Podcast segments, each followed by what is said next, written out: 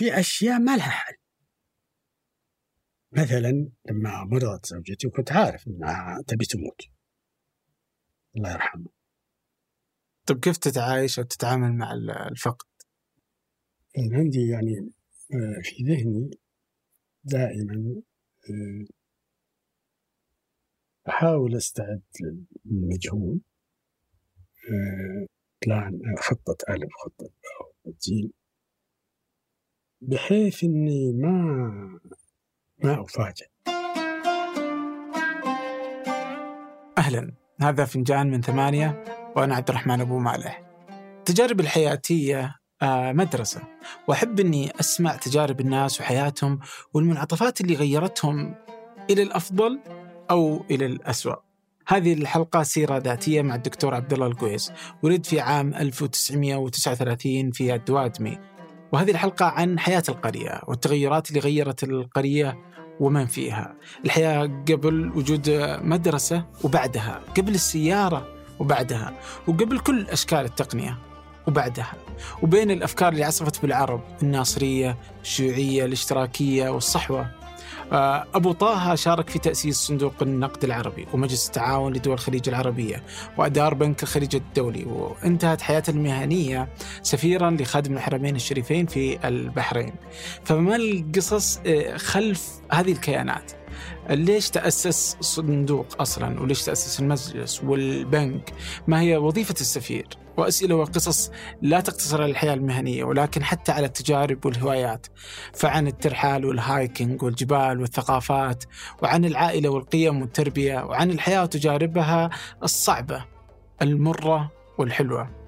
قبل أن نبدأ آه، دام الحلقة هذه فيها العادات الطيبة وأثرها على جودة الحياة فخلوا بودكاست الفجر ضمن عاداتكم اليومية وأنا أضمن لكم ارتفاع ملحوظ في جودة الحياة. أما الآن لنبدأ. آه، أنت مواليد 1939 آه، والله هذا السؤال يعني والله ما أدري أنا مولود سنة كم. هم زود سنتين ولا نقص سنتين؟ ما أدري. وش يقولون يعني في يربطونه بحدث؟ لا لا. يقولون يا يعني أنا ولدت يمكن بعد بعد ما بني القصر. يعني هذا كان هذا كان ال آه.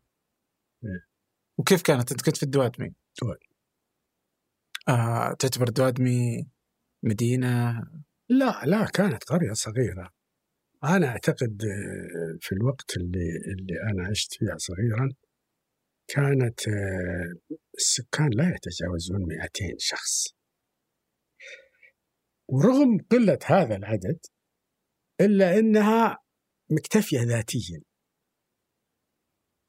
بمعنى أنهم يزرعون آه، آه، القوت حقهم ويخزنونه إلى جشته وتستمر الدورة يعني.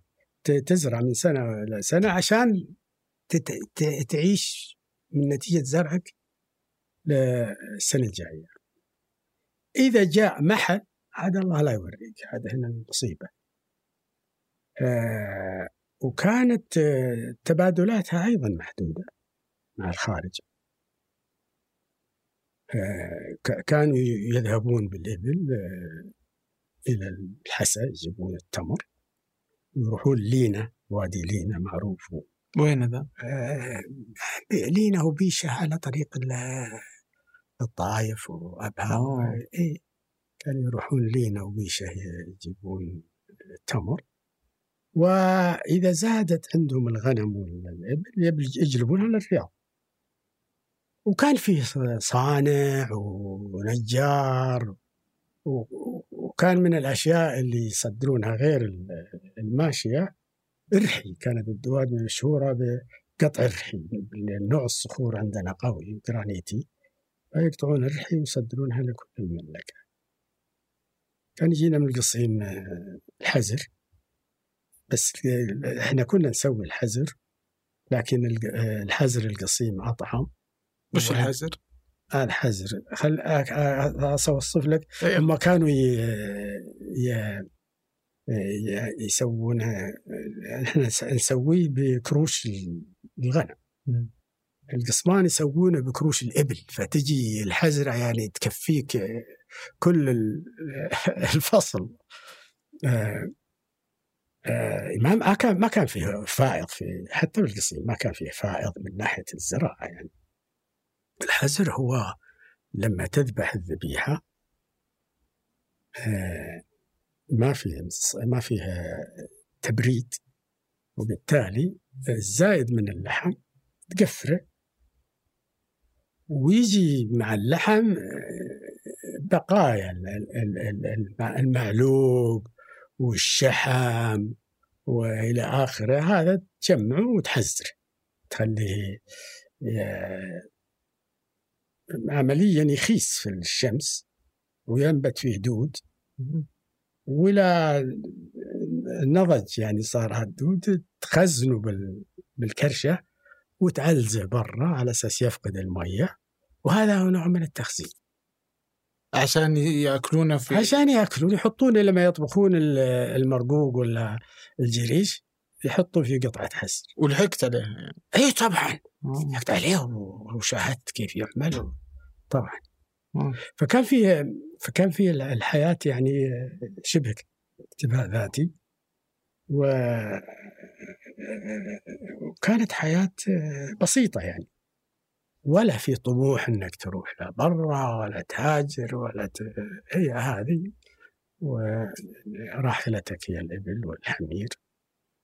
وتصدر آه، وكانت ال- المياه عندنا شحيحة لدرجة إنه ما كان ما كنا نقدر نزرع نخل.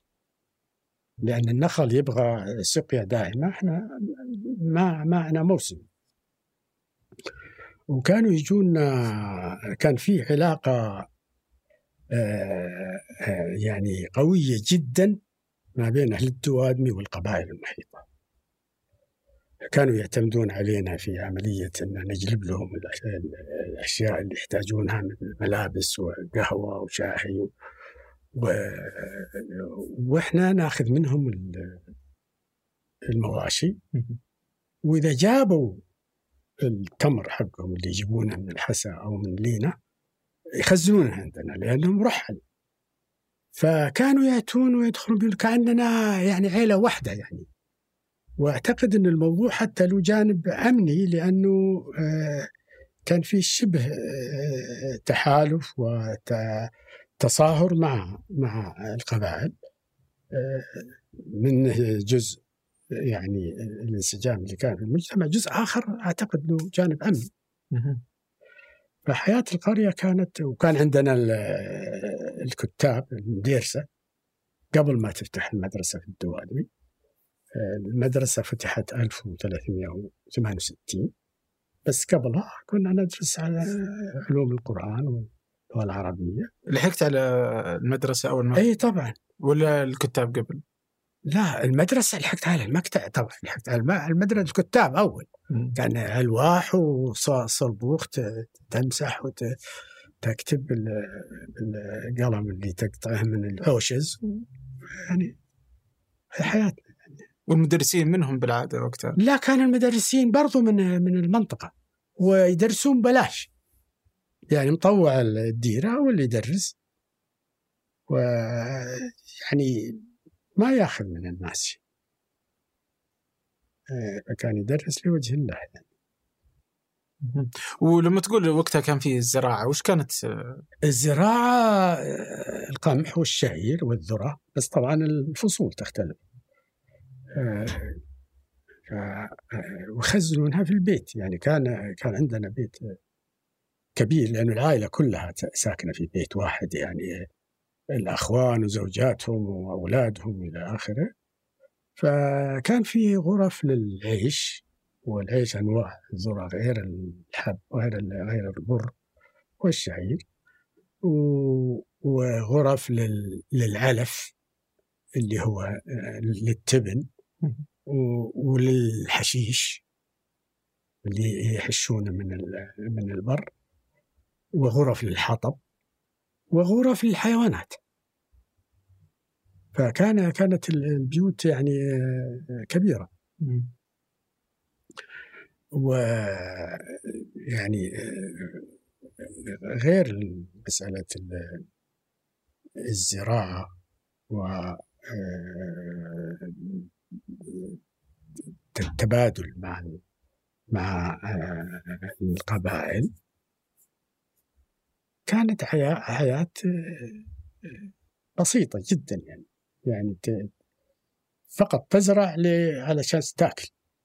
ما في فائدة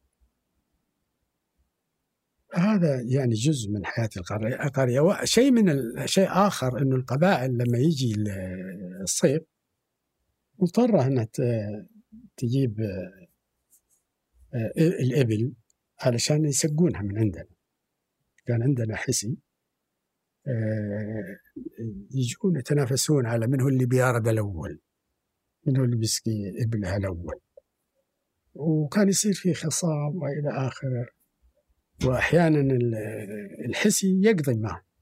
فمضطرين ننزل للحسي أو نغرف ال- الماء بمغراف بالدلو حتى نسقي الإبل أو حتى نروي حنا.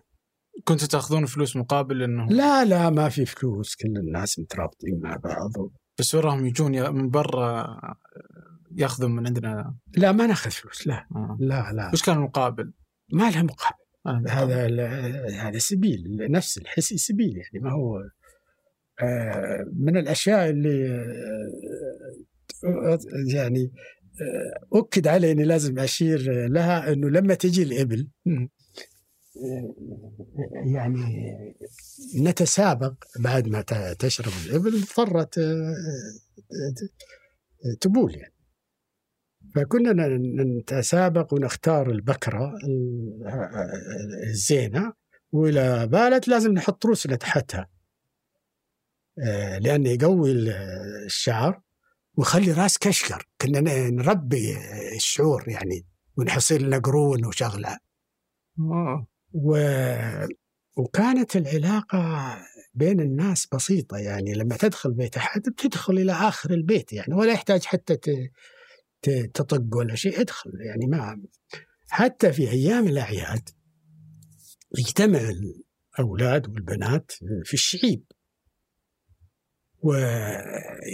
ويغنون ويرقصون ومن ضمن الأغاني أنه حبة العيد ما فيها زرية يعني لا تت- تزرون على واحد إذا منه قبل وحدة.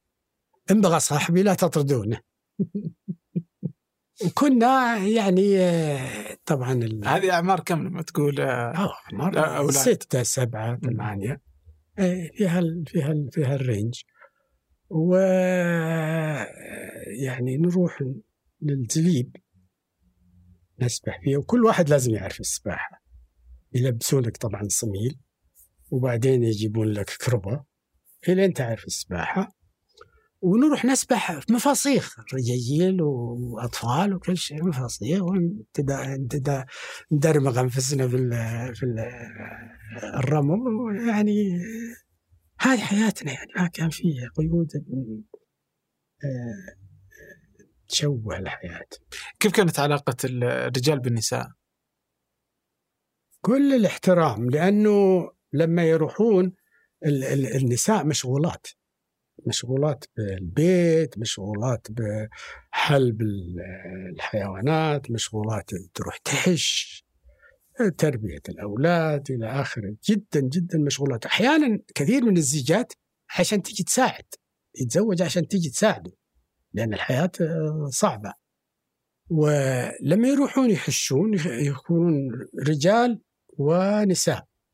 وعادة عادة رئيسة الفرقة اللي رايحين يحشون امرأة. هذه آه، آه، رئيسة حشيش كذا وهذه رئيس رئيس حشيش منطقة كذا وإلى آخره. فكانت يعني الحياة بسيطة ما فيها هالتعقيد. اللي اللي شاهدناه في فترة من الفترات ودي أجي لها كيف تغير فيما بعد إيه. بس آه، يوم جيت المدرسة آه، كان عمرك كم؟ أعتقد أنه كان في حدود عشرة 12 10 12 إيه وكنت وقتها وش المعرفة اللي تعرفها؟ تجيد القراءة والكتابة؟ كنت أقرأ وأكتب إي. مم. أقرأ وأكتب. أعتقد ما دخلت الابتدائي. لا، يعني دخلت الثالثه والرابعه والله ما أتذكر. بس هل كان متوقع من كل ال- ال- الأطفال وقتها إنهم يدخلون المدرسة أول ما فتحت؟ كانت اختياري. كانت اختياري. حتى جاء فترة من الفترات آه، لما جونا وقالوا بياخذون عيالكم يودونهم الطائف علشان يرسلونهم مصر ومدري إيش. كثير من العوائل من عائلتنا شالونا من المدرسة. إيه قالوا ما ما تروحوا المدرسة. فبدينا ندرس بعض. ليه كانوا يبغون ياخذونكم الطائف؟ ما أدري يعني كانوا يبي يودونهم آه، في تهيئة م- مدرسة للتهيئة على أساس يرسلونهم على أساس يدرسون عسكرية يدرسون آه، علوم يعني يودونهم مصر. اهلنا ما يبون نروح لمصر فسحبوك أخذوكم من المدرسة إي إحنا كنا مجموعة كلنا انسحبنا من المدرسة بناء على أوامر أهلنا آه. إيه. طيب آه وش آه أو أتوقع إن وقتها المدارس ما كان يدرس سعوديين. كانوا ناس لا في سعوديين. سعوديين. بالعكس لا كان كان يدرسنا ناس من أهل شقرة ومن أهل آه، من أهل القصيم والمطوع كان يدرسنا برضو يدرس الدين. آه، ف بس كانوا أيضا الطلاب ما هم كثير. لما قلت لك إن إن يعني يعني اللي اللي تخرجوا من الابتدائي في سنة 1300 و 73 74 آه، 12 شخص يعني قليلين يعني. ولما تتخرج من الابتدائي كان موجود المتوسطة و... لا ما موجود متوسطة ولا شيء. آه كان أقرب شيء عندنا هو شقرة فيها معهد علمي والمعهد العلمي يعطي راتب. آه. أي. ف رحنا شقرة رحنا مجموعة ودخلت المعهد العلمي وقعدت فيه سنة سنتين. وبعدين فتحوا الثانوية. مشكلة الثانوي ما فيها راتب. آه فكانوا يعطونك في متوسط راتب بعدين شالوه اي ما ما أعرف يعني. كان الثانوي ما فيها راتب مع ذلك اصريت اني أروح للثانوي ليه؟ الوالد ولا؟ ما أدري. لا الوالد ما له دخل في الموضوع. بالعكس الوالد الله يرحمه كان كان مطوع في يعني من الهيئة في الدفينة. ولما رحت له بعد ما تخرجت من الابتدائي أسلم عليه على أساس إني ابى أترك آه، قال لي إن القاضي لأني كنت صليت برمضان آه، التراويح. فكان يقول إنه القاضي يبغاك تصير كيتب عنده. قلت له لا. أنا ماشي. ليه لا؟ والله ما أعرف. كنت كان عندي هذا الدافع اللي ما أعرف. حتى عيالي يسألوني يعني شو اللي خلاك تروح؟ قل هل هل قلت والله ما أدري. يد إلهية. فرحت. كانت أول مرة تطلع من الدوادمي؟ لا لا رحت الدو- الوالد في الرياض الرياض فترة. وكان في الرياض فترة يشتغل ورحت له مرة. 72 وكانت الرياض بسيطة يعني. أعتقد إن سكانها وقتها 72 يمكن 60 70 ألف. آه. وبعدين رحت للمرة دي الأخرى في في الدفينة. ف رحت الشقراء وانتقلت إلى ال- المتوسط لأنها الثانوية بس نسميها الثانوية. ف آه، اضطريت أعيش نفسي يعني أعمل ف- وقتها أنتم قال لك أبوك إنه تشتغل مع القاضي إيه. وأنت رفضت وقلت ودي أكمل إيه. آه كان عنده يعني كان رافض قرارك ولا طبعا ما كان مرتاح ما كان مرتاح إيش قال لك وقتها؟ الله يهديك شو؟ آه ما لا أكثر ولا أقل ومتوقع من الناس اللي يدخلون المعهد العلمي إنهم يطلعون إيش؟ متوقع أنهم يطلعون مدرسين وقضاة. هذا بالدرجة الأولى؟ وهذا اللي صار عدد من زملائي. أصبحوا قضاة. وكان بعضهم يعني وصل إلى آه، مراتب عليا في القضاء وطلعت من المعهد العلمي رجعت لل رحت لل- الثانوي. لل- للث- للثانوي اللي هو المتوسط. وكملت وين كان فيه؟ ها وين؟ في شقرة شقرة؟ إيه، شقرة شقرة وقتها كان عنده مدرسة عسكرية والمعهد العلمي وأضيف له المتوسط فبعدين آه، فشلون كنت تجيب فلوس وقتها؟ كنت أنجر آه كنت أنجر حتى في الدوادمي يعني جاء فترة من الفترات آه، كنت أحمل على حمار وكنت أشتغل عامل يعني هنا ف هل كان ينظر لها إنها شيء عادي ولا كان عيب؟ لا عيب عيب؟ آه، جاني جاني واحد من القرايب آه، يعني في البيت فتحت المنجرة وبديت أصلح آه، حقين السيارات هذول آه، شو اسمهم الصناديق اللي يحطون فيها البيالات والفناجيل ومدري إيش. حتى صلحت كراسي المدرسة. آه، وجاني قال يا عبد الله أنت تراك تهفي أصل العائلة. قلت وما قال يا أخي تنجر نجارة هي قلت والله هي أنت بتعطيني فلوس؟ فالله يعطيك العافية. أبطل. ها بعدين ما عاد شفتها الله يرحمه آه كنت وحيد ال- آه، لا كان معي كان معي بعض إخواني وقرايبي. وكل شيء كنا يعني نتعاون. فوقتها رحت وكملت يعني نجارة في آه، وأنت تدرس و... إيه. وبعدين نقلت للرياض بعد ما خلصت للرياض واختبرت اختبرت ال- ال- المتوسط من منازلهم واختبرت الثانوي برضو من منازلهم واختبرت الجامعة من منازلهم. فكانت يعني أي جامعة سعود؟ جامعة المكسود. يمكن كنا ثاني أو ثالث وش اللي أربعة- خلاها من أربعة المنازل؟ سنة. ليش ليش ما هو حضوري؟ لأني بعدها تزوجت وصار عندي يعني شغلة و... لأني تزوجت بدري عمرك كم تزوجت؟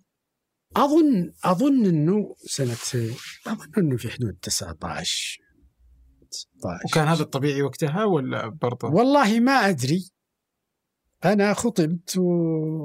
ورحبت إيه. آه. هي كانت يعني أحسن قرار اتخذته في حياتي آه آه، إذا تحكيني أكثر أحكيك كيف شلون خطبت؟ آه. أنا كنت في الرياض عملت في عدة آه، أشياء قبل ما أدخل الحكومة اشتغلت عامل في دكان أبيع اسمنت واشتغلت مساعد لأحد النجارين اللي يسوي سيارات ذيك الحمالات اللي لازم تحط لها مساعدات تحت. اشتغلت معه. واشتغلت آه، كان فيه آه، دكان فتح كان يعني دكان دكان من دكاكين ال- البراقة في الرياض. اسمه الكروان كان يجيب أثاث ومواعين للقصور. اشتغلت محاسب عندهم. وبعدها آه، اشتغلت قارئ عدادات في شركة كهرباء الرياض. وكنت أدوج على آه، بيوت آه، على رجلي. بعدين تكرموا جابوا لي سيكل. سني شارن رولز رويس. آه ثم انتقلت إلى موظف الشركة شركة الكهرباء. مسؤول في المحاسبة. وبعدين دخلت مسابقة. أول ما أسسوا مصلحة معاشات التقاعد وباشرت واحد سبعة ألف ثلاثمية وسبعة وسبعين. مصلحة التقاعد. إيه تو مؤسسينها كان وتدرجت معاشات التقاعد في عدة وظائف وبعدها بدأت أفكر إني لازم أطلع لازم أسافر وانتقلت للمالية انتقالك للمالية لأنك أنت مخطط أنه هذا الطريق اللي بيخليني أسافر؟ إيه صحيح آه. صحيح ليه كنت تبغى تسافر؟ ما أدري والله؟ كلها كل هالأشياء ما أدري آه. صراحة يعني هي كذا تسيرك يد خفية فرحت آه، وزارة المالية؟ رحت وزارة المالية واشتغلت في آه، الشؤون الاقتصادية. هذا وقتها خلاص تخرجت من الجامعة. اقتصاد وعلوم سياسية. وبدأت آخذ كورسات في معهد الإدارة. أخذت كل كل كورسات معهد الإدارة. اللي اللي كان يقدمها في ذلك الوقت كانت فورد فاونديشن بما فيها دروس الإنجليزية. ف بعدين بعد جهد جهيد حصلت على البعثة. بس قبل لا تروح البعثة وش كان تصورك عن أمريكا؟ صور آه، وردية. وردية بالذات الشباب اللي ب... اللي راحوا يجوا يقصون لنا يعني هاي تدفعك يعني إنك تبذل كل جهدك إنك تروح. وبالفعل لما رحنا كانت بالنسبة لنا شيء آه، فوق الخيال يعني آه هذا الكلام عن كم؟ يوم رحت أمريكا؟ رحت لأمريكا 69 في سبتمبر 69 كنا كانت دائما السفر عن طريق لبنان آه، في آه، أخذنا الطيارة إلى بيروت. ولما أخذنا التاكسي عشان نروح للفندق كان يقول مع- معمر القذافي آه، صار هو قائد ليبيا. واحد تسعة ألف تسعمية وتسعة وستين آه. فإيش اللي يجي في بالي لما أحد يكون سافر لأمريكا في يعني في الزمانات زي ما يقولون هي اليوم لو أي أحد بيروح أمريكا وما عمره راح عنده تصور عن كل شيء في أمريكا يعني أقدر الآن أعرف- طبعا الآن إيه الآن طبعاً. يعني خلاص أنا لا ثاني. لنا لا شيء كذا من الخيال الخيال الأشياء القصص اللي كنا نسمعها وإلى آخره.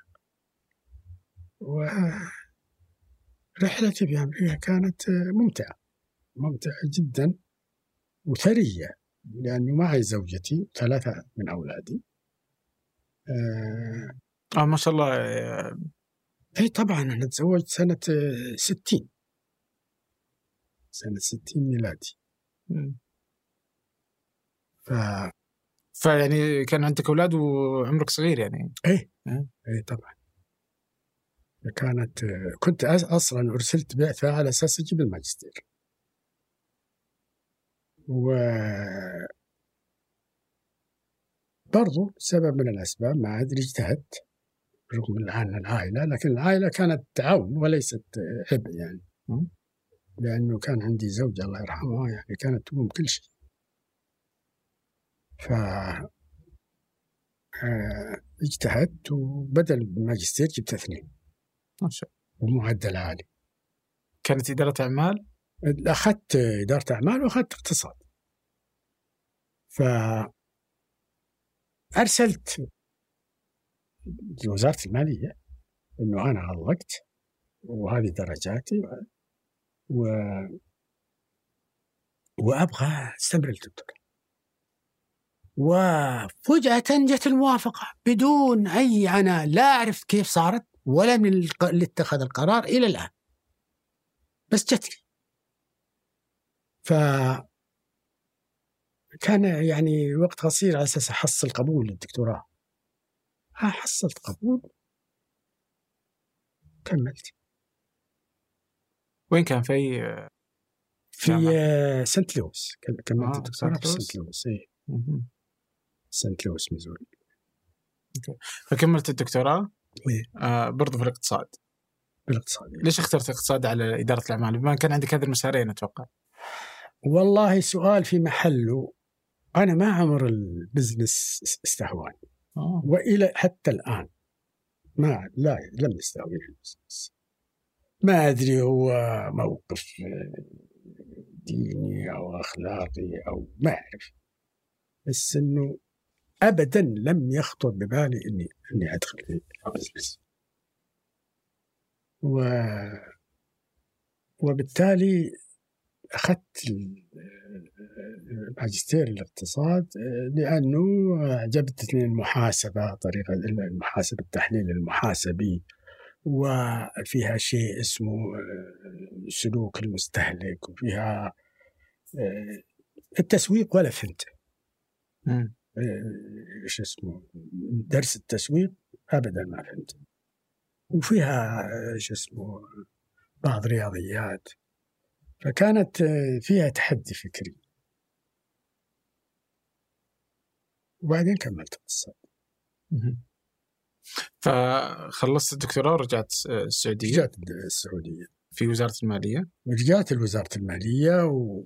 و... ورجعت وكان عندي عدة تحديات. يعني واحد إنه الأولاد يعني معرفتهم باللغة العربية قليلة رغم إن كنا ندرس نحاول ندرسهم كنا في أمريكا.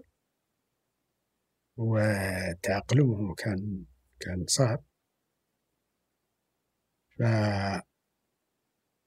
التحدي الثاني إنه ما عندي بيت. وجيت أنا في 77 كل الأسعار مرتفعه مرتفعه ف فرب ضارة نافعة. كان صندوق النقد العربي توه فاتح أبوابه في أبو ظبي أرسلوني مندوب للمملكة في مجلس إدارة الصندوق. وقتها كانت المدير التنفيذي أسوة بصندوق النقد الدولي متفرق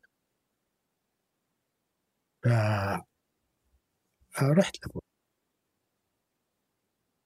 وعملت بالصندوق أربع سنوات. بس في الوقت اللي كنت فيه في الصندوق آه، كنت أقوم بأدوار لوزارة المالية ولمؤسسة النقد.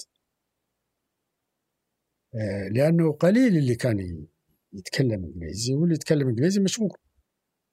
فكانوا مضطرين أنهم يرسلون لي أمثلهم في كثير من المؤتمرات في جميع أنحاء العالم. وربما هذا هو اللي خلق عندي السفر وحب السفر وإلى آخره لأنه كل الأربع سنوات وأنا بغير هجول فكانوا بيعطيني حتى خطاب للخطوط السعودية إنه أبد أي أي جهة يبيها اعطوا تذكر فكنت أمثل المملكة في كثير من المؤتمرات. وبعد الأربع سنوات أسس مجلس التعاون طب ودي أرجع للصندوق وقتها يوم عينت كان في بداية تأسيس الصندوق. صحيح. إيش كان هدف الصندوق النقد العربي؟ كان الهدف هو هو معالجة الخلل في موازين المدفوعات زي زي صندوق النقد الدولي. آه كانت بالنسبة لي تجربة الصندوق تجربة مرة رغم إنها كانت من الناحية العائلية مريحة يعني تجربة مرة لأنه العراقيين وقتها يعني فورة صدام حسين. أرسلوا مدير كان وزير تخطيط في العراق وجاب كثير من الموظفين اللي هم في المواقع المهمة جاب كثير من الجماعة اللي يعرفوا وحسيت إنه إنه في أشياء تدور ما هي مريحة. في الصندوق. مثل؟ يعني صفقات و إلى آخره. تصرفات كانت مثيرة للشبهة. المهم إنه يعني عملت على إنه هذا المدير ما جدد له قبل ما أروح. و كان يعني وضع وضع جماعتنا في الخليج إلى حد ما ضعيف يعني أمام صدام حسين في ذلك الوقت. آه، لكن أمكن إقناعهم بأنه هذا الرجال يجب أن يمشي. وبالفعل مشي كانوا يريدون أن يرشحون واحد ثاني لكن ما مشي الحال. آه، بعد ما راح المدير اللي جاء آه، كان عنده خبر. الأشياء اللي كانت تصير وسوى تحقيق. اكتشفوا إنه يعني 50 مليون دولار اخذت من الصندوق بطرق مختلفة يعني. وفي قضايا في المحاكم إلى الآن. على على الرجال والعصابة اللي معه. آه. فكانت حقيقة يعني فترة غير مريحة بالنسبة للصندوق. فكانت غير مريحة برضو عمليا بالنسبة لك بس كانت مريحة عائليا. مريحة عائليا ومريحة إنه علاقتي بالمالية وبالمؤسسه كانت كويسة. إيه. بس إيش خلاها مريحة عائليا؟ خصوصا إنها بعيدة في منطقة اي لا هو كبيرة. اللي حصل إنه إنه دخول أولادي إلى المدارس في أبو ظبي. آه خلاهم. باعتبار إنه أخف من هنا. ساعدهم يمشوا أخف من أي ناحية؟ من المملكة يعني دروس الحديث والدين ومدري إيش الأشياء اللي كانت آه، يعني صعبة عليهم بسبب ضعف لغتهم العربيه. ف فساعدني كثير يعني الجانب العائلي كان كان مريح. ممتاز. طيب ودي آه، يعني في وقتها آه، خصوصا في شبابك أعتقد انه كانت فيه آه، عدة حركات موجودة هي. فكرية. صحيح. ودي كيف أثرت عليك؟ يعني أو كيف أوكي. كنت تقرأها؟ يعني هذا هذا سؤال حقيقه جيد و... ونفس الشيء اشعر إنه مثل القرية آه، موضوع القرية إنه ما غطي التغطية الكافية. الحركات السياسية كانت آه، في كل الدول. العربيه وبالذات الحركات السياسية الفكرية. إيه اللي يقود هذه الحركات؟ إيه هم نوعين. إما الأقليات لأنهم يريدون يوجدون بديل للأفكار السائدة. وبالتالي إيه، مسألة القومية العربية والاشتراكية إيه، تقلل من المعتقدات اللي كانت سائدة في هذا جانب ولذلك لما تجي تشوف مثلا حركة الباعث المقومين العرب آه، غالبية قادتها من المسيحيين. آه، النوع الثاني هم الفلسطينيين. يريدون يعني يجمعون العرب حول فكرة القومية وبالتالي محاربة في في القضية القضية الفلسطينية. وكانت هي الشغل الشاغل في فترة الخمسينيات والستينيات والسبعينيات. حتى أن الطلبة العرب في أمريكا كانت هي شغلهم الشاغل. مظاهرات ومحاضرات و... و... الجانب الثاني أنه تجد اللي ناشط في هذه الأفكار القومية هم اللي على الأطراف اللي اللي اللي مهددين. ولذلك تجد العراق موضوع جوارهم لإيران سوريا بحكم جوارها لتركيا أحيانا السودان موريتانيا. فكانت هذه هي ال... يعني ما فهمنا هالقضايا إلا بعدين. ف ما في شك الحركات السياسية كان لها تأثير في كل المنطقة بما فيها المملكة. كانت حاضرة في القرية؟ لا لا القرية لا لا القرية قبل ما ما حضرت فيها لا لا القرية حضر فيها بعدين حضر فيها الحركات الإسلامية الصحوة؟ الصحوة. مم. وكيف أثرت عليها؟ أنا كان- كنت بعيد عنها مم. كنت كنت بعيد عنها لما جاءت الصحوة لكن آه، أقدر ألاحظها يعني. مم. وش كان أبرز الملاحظات لما تروح؟ التشدد التشدد اللي عند الناس. التشدد اللي كان مخيف يعني.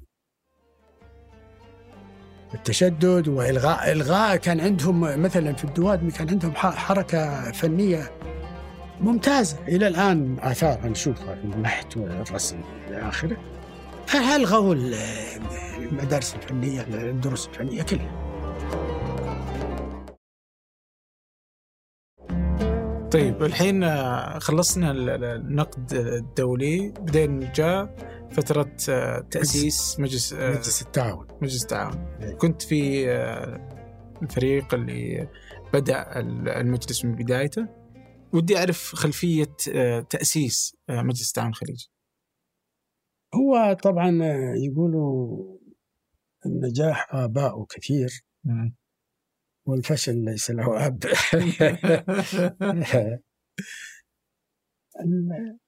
يعني مجلس التعاون رغم ما قيل عن المبادرات والى اخره من دولة ألف ودولة باء. انه الملك فهد هو اللي هو الوحيد اللي كان يجرؤ يتكلم مع صدام ويقول له ترى بن وهو في اتون الحرب. ويقول ترى بنأسس مجلس التعاون وأقنعه. ليه كان صدام ضد تأسيس المجلس؟ يعني أكيد. ما ما كان مرتاح لكن بحكم إنه كان محتاج للدعم وقت الحرب مع الإيرانيين قبل. بس الملك فهد هو اللي هو اللي يعني آه، دفع بالمجلس إلى إلى الواجهة. و- وهذا يعني يقودني إلى إلى مسألة أنا اعتقدت إنه آه إنه مشروع يستحق التضحية.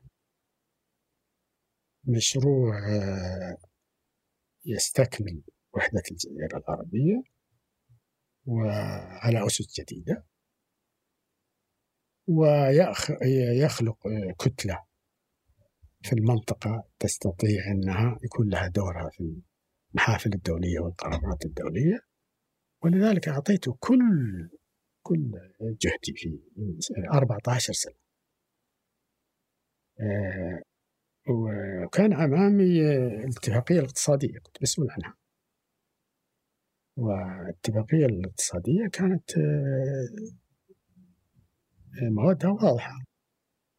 الغاء الرسوم الجمركيه، الاتحاد الجمركي، آه، السوق المشتركة يعني هذه واجبات أمامي كمسؤول لازم اني إني اشتغل عليها والدول مشغولة.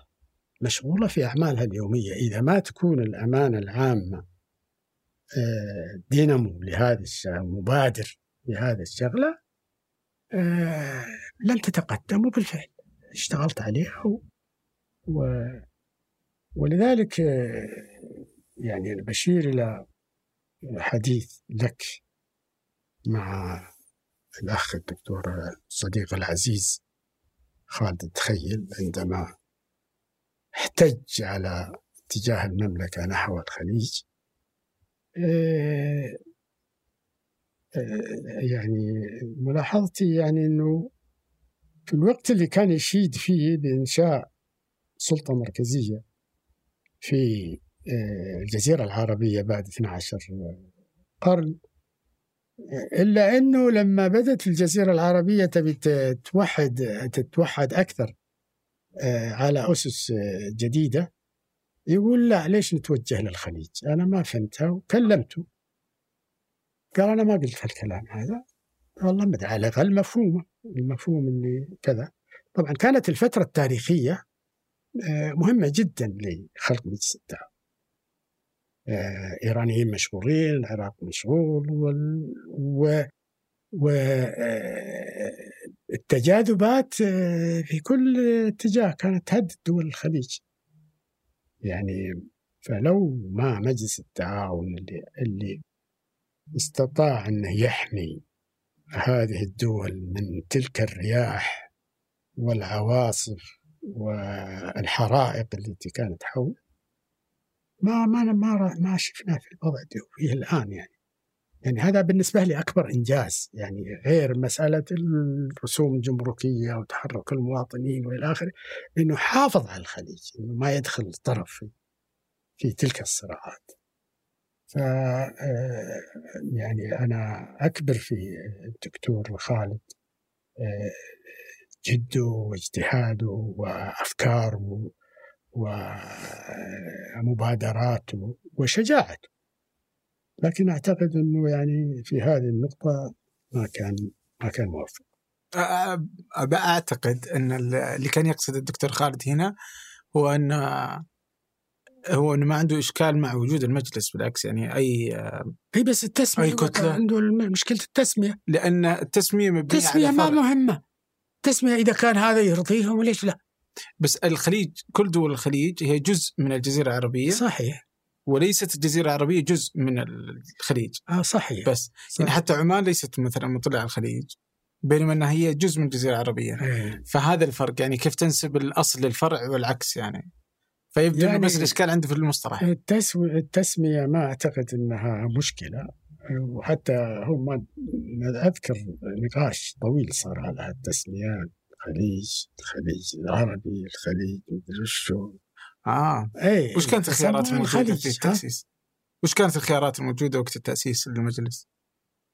آه، كالخليج ما كان ما كان محل خلاف بس هل هو تسميه الخليج العربي ولا دول الخليج العربية مم.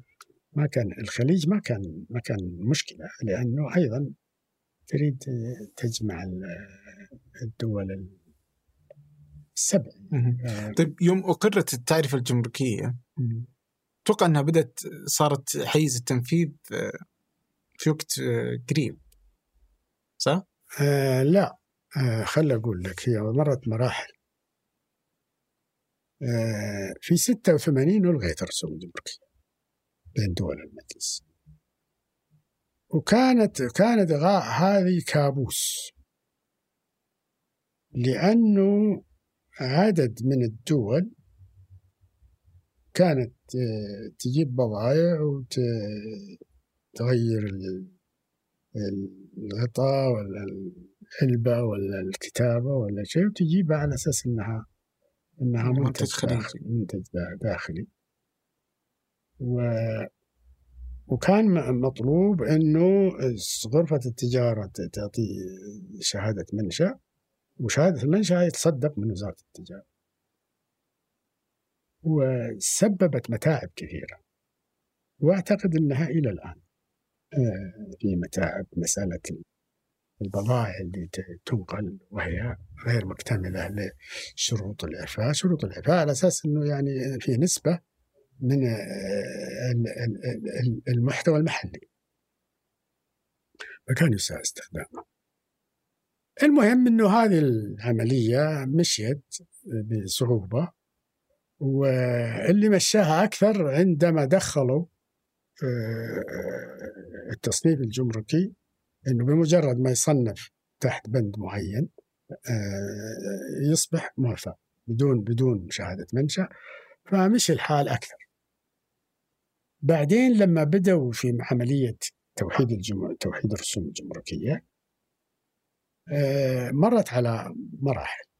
المرحلة الأولى هي أنه خلونا نوحد كلنا ناخذ 5% أخذوا 5% و- وقرت هل تنفذ بعض الدول ما تنفذها. تاخذ أقل أو تاخذ أكثر وإلى آخره.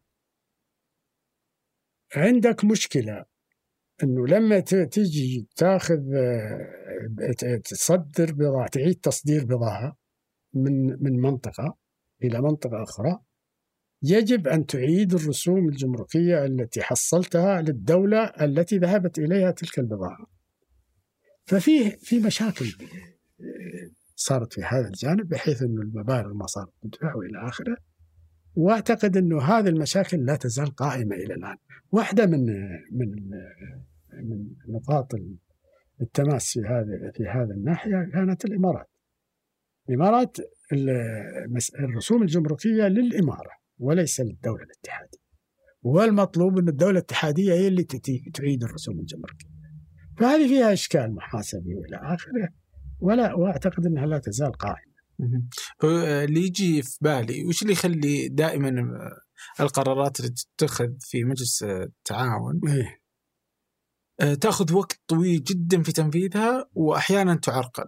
كانت فيه قرارات بسيطة مثل الجمرك أو قرارات كبيرة على شكل العملة الموحدة وغيره. فليش دائما هذا المكان هو مكان شوف هو كل العمل الجماعي دائما في صعوبات. وإحنا أول ما بدينا قلنا نروح نشوف الاتحاد الأوروبي. ورحت وقضيت فترة في بروكسل. وجدت إنه لا يكفي إنه يكون يكون فيه نص قانوني في الاتفاقية عشان يمثل علشان ينفذ. يجب إنه يكون في قرار باعتبارها دول ذات سيادة، يجب إنه يكون في قرارات داخلية في كل دولة تضع خطوات التنفيذ. وبالفعل بدأنا كل نص في الاتفاقية نضع له قواعد ويقر من اللجان الوزارية المختصة ويقر من القمة ويصبح ملزم. اللي حصل أنه بعض الدول تتأخر في في التنفيذ وما كان فيه آلية غير ال شو اسمه إن الدولة نفسها إلا إنك تشتكيهم على القمة وهذا يصير. لكن تعرق له اللجان الوزارية بحيث إنه ما يصل. ف بس هذا هذا عموما طبيعة العمل الجماعي كذا يتأخر. هل كان في نقاش إنه يكون مجلس تعاون ولا اتحاد خليجي؟ لا هو الاتحاد وارد في النظام الأساسي وصولا إلى وحدتها في المادة الرابعة. فكان في قناعة بأنه هذا الهدف إنه يتوحدوا لكنه وفق برامج وإجراءات يتفق عليها لاحقا. وهل كان في أي شيء يمشي إلى هذا الهدف ولا هو مجرد كتب وانت عند كتاب؟ لا لا هو التعاون العسكري، التعاون الأمني، التعاون الثقافي، التعاون القانوني كلها تهدف إلى أن نصل إلى في وقتها إلى هذا إلى هدف الوحدة. آه كيف تشوف اليوم بعد مرور كل والله أنا الحقيقة متالم على مجلس التعاون لأنه آه جاء فترة من الفترات آه شبه يعني آه البيات الشتوي بس طول البيات الشتوي. أيام المشكلة مع قطر. وتأملنا إنه بعد ما يعني صار في تفاهم على الموضوع القطري إنه ينطلق المجلس لكني ما أشوف أي مبادرات على الأقل في الجانب اللي يهمني اللي هو الجانب الاقتصادي واللي كنت أتابعه. ما شفت أي مبادرات جديدة توحي بأن المجلس سيستأنف انطلاقته. هل كنت مع أو ضد العملة الموحدة؟ العملة الموحدة؟ العملة الموحدة هي يعني أنا هي شكلها رمزي. العملة الموحدة مش هي اللي توحد دول الخليج. والسبب أن عمر العملة كانت عائق في عملية التبادل التجاري وعملية الاستثمار لأنه كل العملات ما عدا العملة الكويتية مربوطة بالدولار. فالسعر المخاطرة في سعر الصرف محدودة يعني. لكنها الشكل الرمزي لو سويت عملة موحدة فأنت تقترب من نقطة اللا عودة إلى الآن المجلس التعاون ما ما ما اقترب من نقطة اللا عودة فالعملة الموحدة طبعا كل الجهود في موضوع العملة الموحدة أعتقد شبه توقفت. لكني ما ما أعطيها أهمية كثير لموضوع العملة الموحدة لأنها ما. عمرها ما كانت عائق طيب وش. وش النقاط غير العملة اللي بتودينا إلى مرحلة اللا عوده؟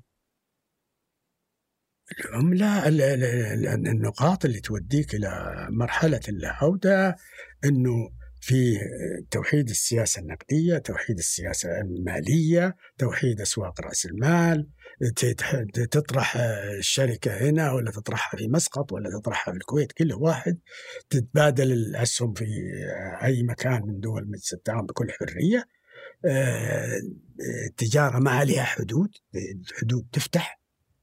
آه، حركة الناس وقدرتهم على الاستثمار بكل حرية كأي مواطن في الدولة. هذه هذه اللي تو- تودي تصل توصلك إلى العملة تجي مين مشكلة.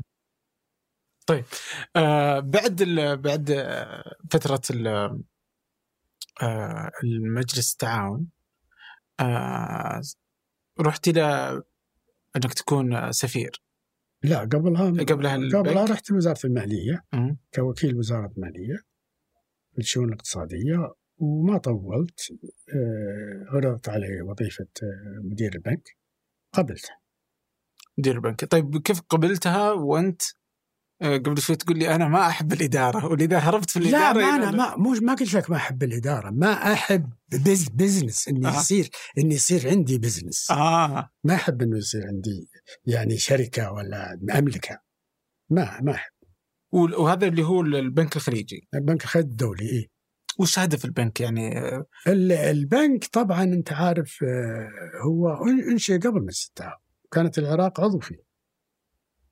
كانت العراق دائما أي مؤسسة خليجية تطلع كانت آه، تصر إنها تكون عضو سواء في مسألة آه، آه، البنك أو في مسألة آه، المناقشات الخاصة بتنسيق السياسات النقدية أو آه، في مسألة غرفة غرف التجارة. كان في اتحاد غرف التجارة كانت العراق فيه أو في المكتب التعليمي اللي كان في قطر.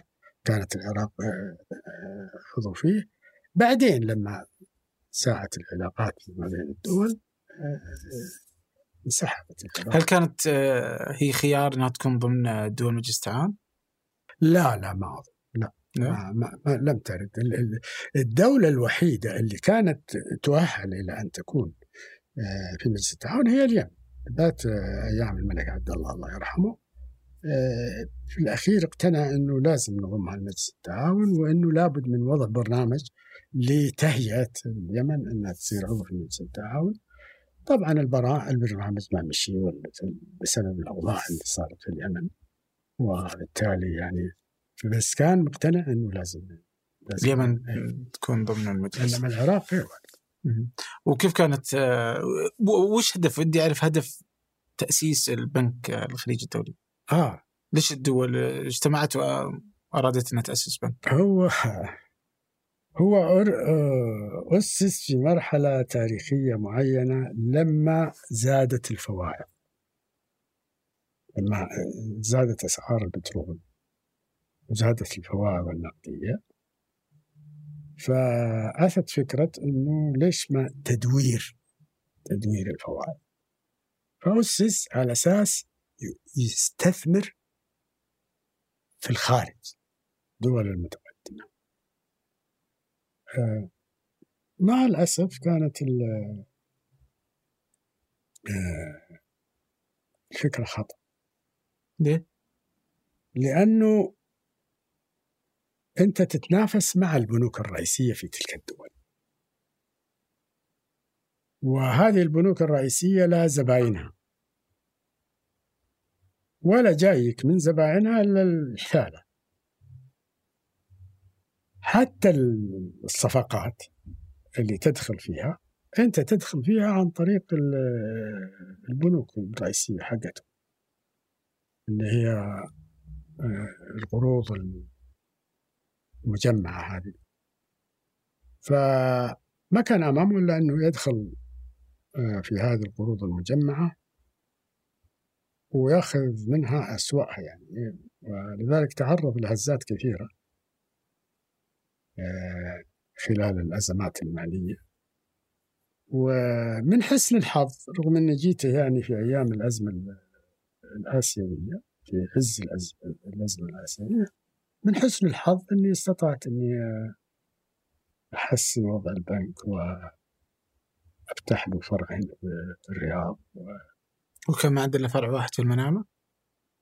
مركزه كان إيه. بس عنده مركزه. لا كان عنده كان عنده تواجد في لندن ونيويورك وفي فرانكفورت وفي طوكيو وفي سنغافورة بس معظمها كان خسران فقفلنا بعض هذه ال- المكاتب ووجهناها إلى دول الخليج و... وتحسن وضعه. الوقت اللي أنا تركته يعني آه، كانت أرباحه أعلى أرباح مرت في حياته في حياة البنك.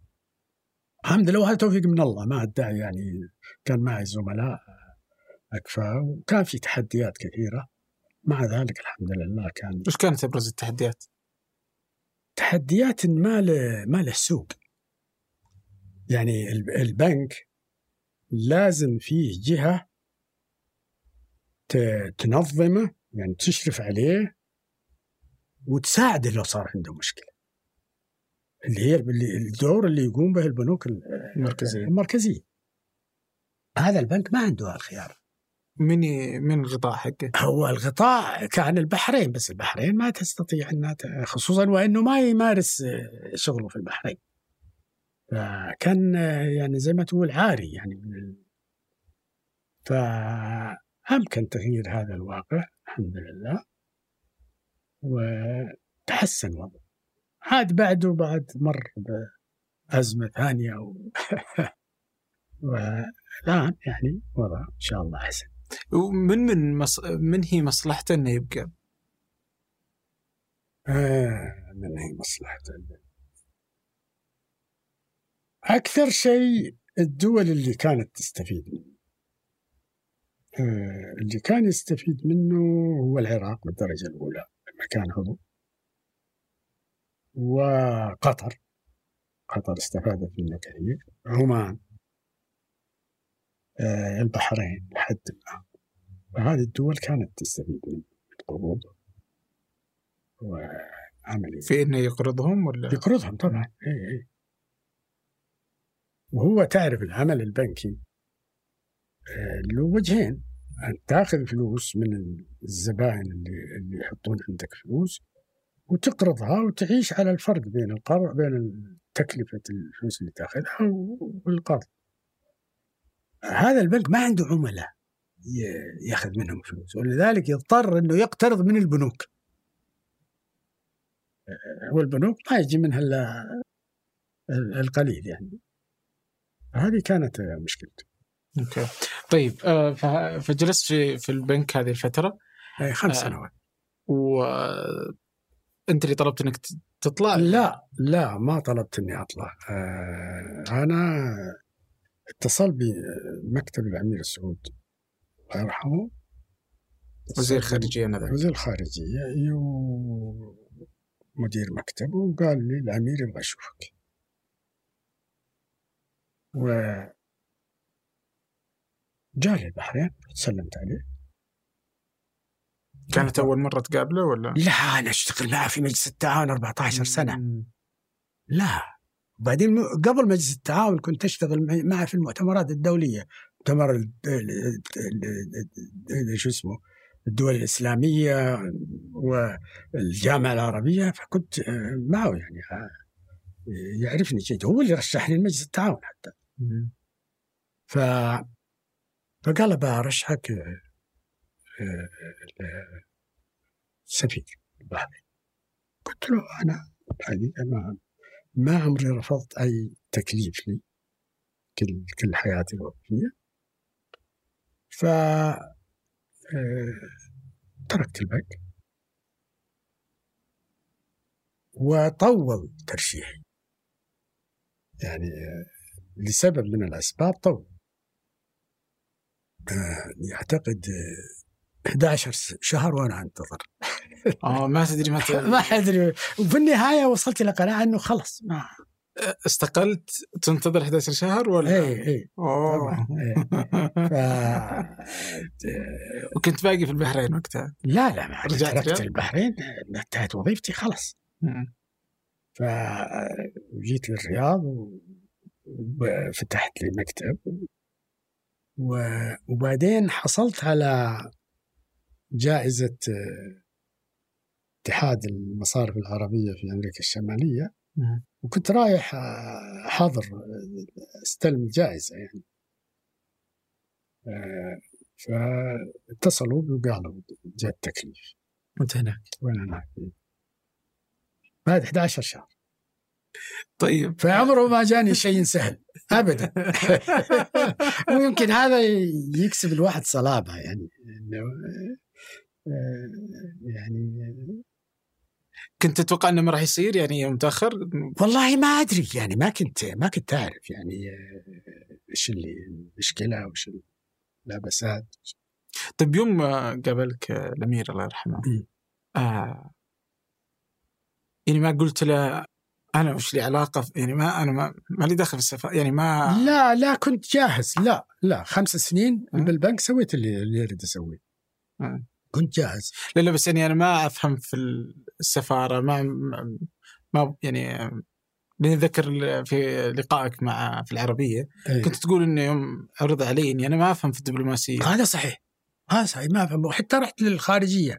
قلت لهم لا أفهم دبلوماسية ولا علموني. قالوا لا بتروح بس تعرف والله رحت اضطريت أشتري كتب و... تعال مثل ما رحت للبنك نفس الشيء. إيه؟ نفس الشيء. أنا أنا ما أنا بنكر إيه. رحت وشر- شريت كتب ورحت ل... ل- وقريتها وتعلمت.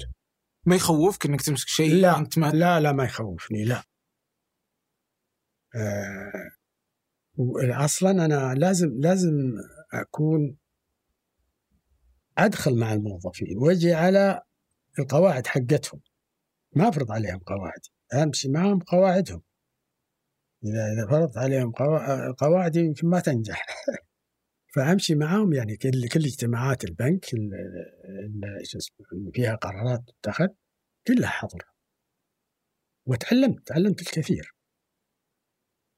الدبلوماسية ما يبغى لها ما يبغى لها تع- تعلم يعني. يعني أسهل وظيفة هي ال- هي ال- شو اسمه هي آه، إنك تكون سفير. إنك تكون سفير. لا عندك قرار حتى فراش ما تقدر تفصله. طيب وش وش وش السفير يسوي في يومه؟ السفير في يوم آه، آه، سؤال طيب. آه، يروح يسلم على زملائه. ي- يقرأ اوضاع الدولة يتصل بالمسؤولين آه، يخدم المواطنين آه، حاضر الحفلات اللي هي كثيرة إيه. بس قرارات آه، لا ما في قرارات ما تتخذ قرارات والأسوأ في موضوع السفير الحقيقة على الأقل بالنسبة لنا في الوقت اللي أنا فيه أنت كنت من 2002 ل 2007 اي صن- كذا. إيه، إيه، خمس سنوات. إنه ما تدري وش اللي صاير تجاه الدول الأخرى. يعني وش زملائك يسوون؟ وش وش علاقاتنا مع دو- دولة ألف ودولة باء ال- السفراء الآخرين يجيهم تقارير عن آه، مواقفنا وأوضاعنا تجاه قضايا ألف وباء وجيم السفير عندنا مع الأسف كان معزول ما أعرف ال- الآن وش اللي صاير إنه معزول اجتهاده بس اجتهاده وقراءاته هي اللي ت... ت... يعني تخليه فعال ولا لو يعتمد على اللي يجيه من الرياض ما ما في شيء. ما يجيك شيء يجيك طلبات هاتوا لنا كذا ولا علمونا بكذا ولا انت اخذت نفس السفارة اللي كان ماسكها برضو غازي قصيبي إيه آه ففي برضو في في كتابة آه كان يقول زي كذا إنه وظيفتي إني ما أسوي شيء بس أروح آه. ما بين آه، عزايم وحفلات. بس وش أغلب ال- المشاكل اللي تصير بالنسبة للسعوديين في في البحرين؟ مشاكل بسيطة ما أعتقد أنها غير عادية لأنه يجي كم هائل من الناس إلى البحرين بسبب الجسر وانفتاح الحياة. فيها يجي كم هائل فبالتالي المشاكل اللي تصير يعني بالنسبة للعدد اللي يجون لا تذكر. وأيضا البحرينيين جزاهم الله خير متساعدين ويحلون هذه المشاكل. يعني ما ما شفت مشاكل يعني تقلق أو تؤذي أو لا. مجتمعاتنا يعني المواطنين السعوديين مؤدبين يعني صراحة في كل في كل مكان يروحون ف يعني ما ما في شيء الواحد ممكن يشتكي منه. في أحيانا وهذه يعني أحيانا في ناس كانوا في البحرين من زمان. ولا يعرفون إيش اللي صاير في المملكة وإلى آخره وأوضاعهم المادية آه، ضعيفة. كانوا يلجؤون للمؤسسات الخيرية البحرينية. في أيضا ناس يشوف له بنت بحرينية وإلى آخره وتزوجها واذا جاه منها عيال نحاشوا خلاها وأيضا هذه قليلة بس بس تصير. ولذلك قبل ما أروح سويت جمعية للعناية بالسعوديين اللي اللي آه، أوضاعهم تستحق العناية. وش يسوي السفير في حالة آه، في الحالة مثلا يتزوج ويترك أولاد؟ لازم إنك ت... لازم تسجيله للطفل والى آخره وهذه عند السفارة ميكانيكية معينة تعالجها يعني آه، بس كنا نجمع لهم فلوس من المملكة رجال الاعمال وكانوا الناس كرماء يعني جزاهم الله خير. طيب يوم تقول إنك تعلمت من الكتب، وش اللي طلعت فيه من الكتب بخصوص السفارة؟ واكتشفت إنه حقيقي أو اكتشفت إنه غير حقيقي؟ والله ما أدري. آه، آه، لا اكتشفت إنه السفير ما ما عنده دور. ما عنده دور وخصوصا بين المملكة والبحرين لأن ما في ما في قيود يتصلون مباشرة يعني. بالتالي دور السفير يعني محدود. طيب آه في محطة نسيتها اللي هو موضوع صندوق النقد العربي. إيه. آه صندوق النقد العربي آه أدرته. بعد ما ترك المدير اللي جاء من الإمارات رشحوني. رشحوني أديره فأدرته لمدة سنتين. وكنت أقول هذا فرصة أني أترك مجلس التعاون.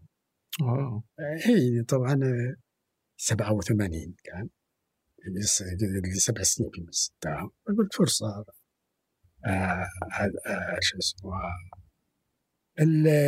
جيتوا وكان في فورة الغضب ضد المؤسسات العربية. تابعة للجامعة وكانت آه، يعني محاولة تقديسها لأنها أصبحت عبء وفعاليتها آه، قليلة. فكنت جيت في هذا الجو. آه، من حسن الحظ أنه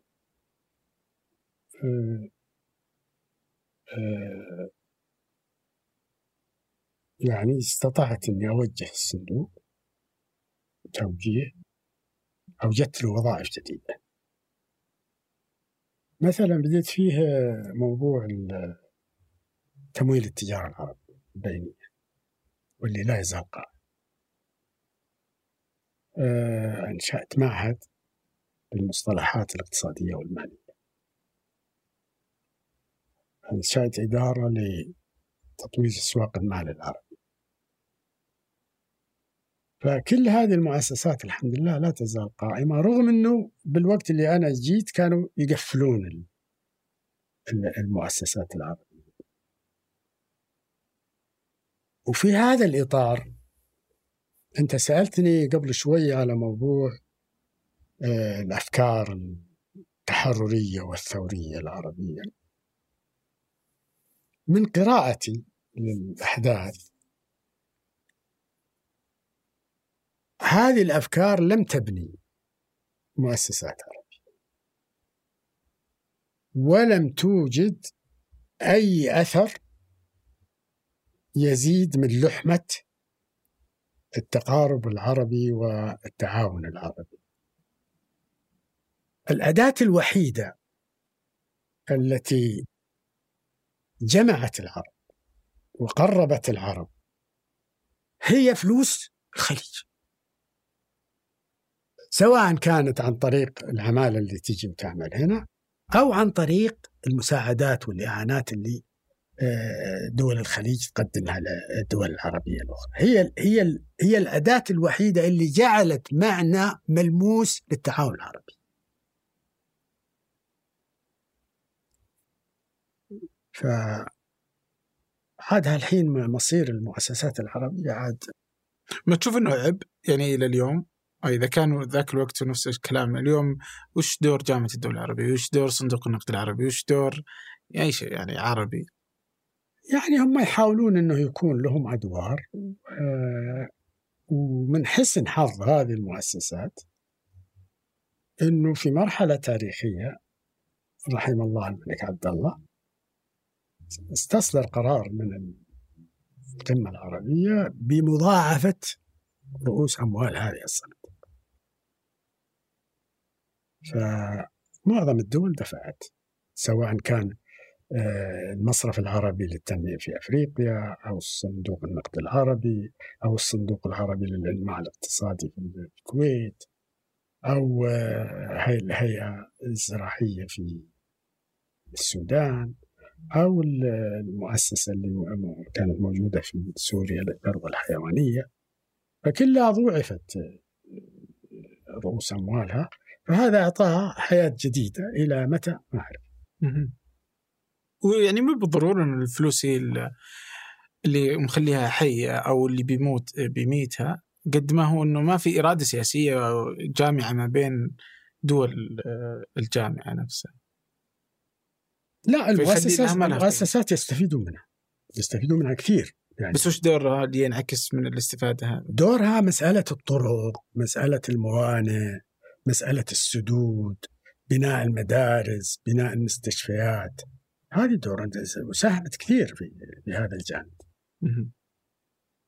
طيب آه إذا طلعنا من الأعمال في في المهنية آه بنروح للأعمال الحياتية أصلا آه فاليوم يعني أول ما تذكر ال hiking يجي في بال على طول في بال الناس اللي هو عبد الله القويس أو إذا ذكرت عبد الله القويس في بالهم على طول مباشرة ال hiking فتوقعت انها انها هواية أنت سويتها بعد التقاعد. لا. بس اكتشفت انها من عام 1990 أنت بديت أول مرة. صحيح. وش كانت أول رحلة لك؟ آه تذكرها؟ اي طبعا ذكرها بكل وضوح. آه،